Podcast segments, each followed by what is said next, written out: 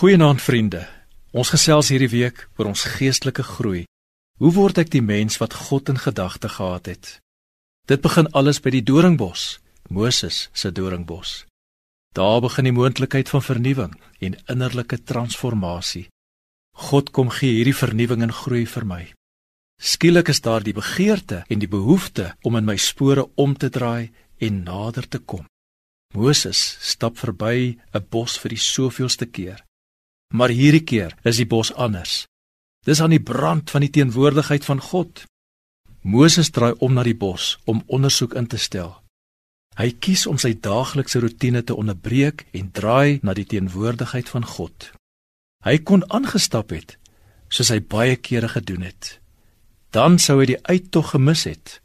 Israel, sy roeping, die doel van sy bestaan om God te leer ken. Maar hy het in sy spore gestop en omgedraai. Hy moes die boodskap aan Farao oordra en die volk uitlei uit Egipte.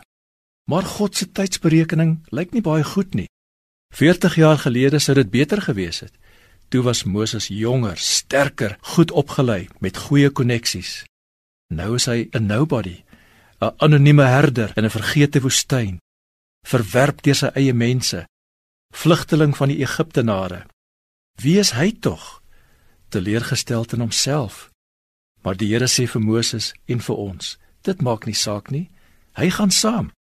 Jou skuld en swakhede is nie die hoogste waarheid oor jou nie. Jy is wat jy is, maar dis nie alles van jou nie. Jy is nog nie wat jy sal word nie. Ek sal by jou wees.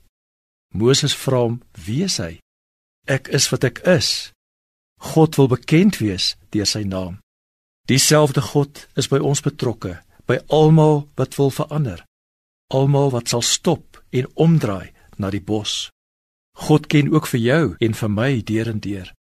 Hy het my ook tussen die riete gesien op vlug in die woestyn. Hy praat nog steeds met jou uit die brandende bos, 'n stil stem. Wees hoopvol. God roep eers vir my na hom en dan roep hy vir my na myself om my ware self vir hom te ontdek en dan roep hy my na my taak op die aarde. En dis die proses waarin hy my wil verander na die beeld van Christus om meer en meer soos Jesus te wees. Dis net God wat hierdie innerlike wonder kan laat gebeur. My geestelike groei is die Gees se voltydse onderneming in my lewe. En ek laat my lei. Ek is in die vloei van die Gees. Hy lei my in die dans van die lewe. Dit beteken dat ek elke dag weer sal omdraai by die doringbos en naderkom sodat God my kan leer. Kyk uit vir hom by die doringbos.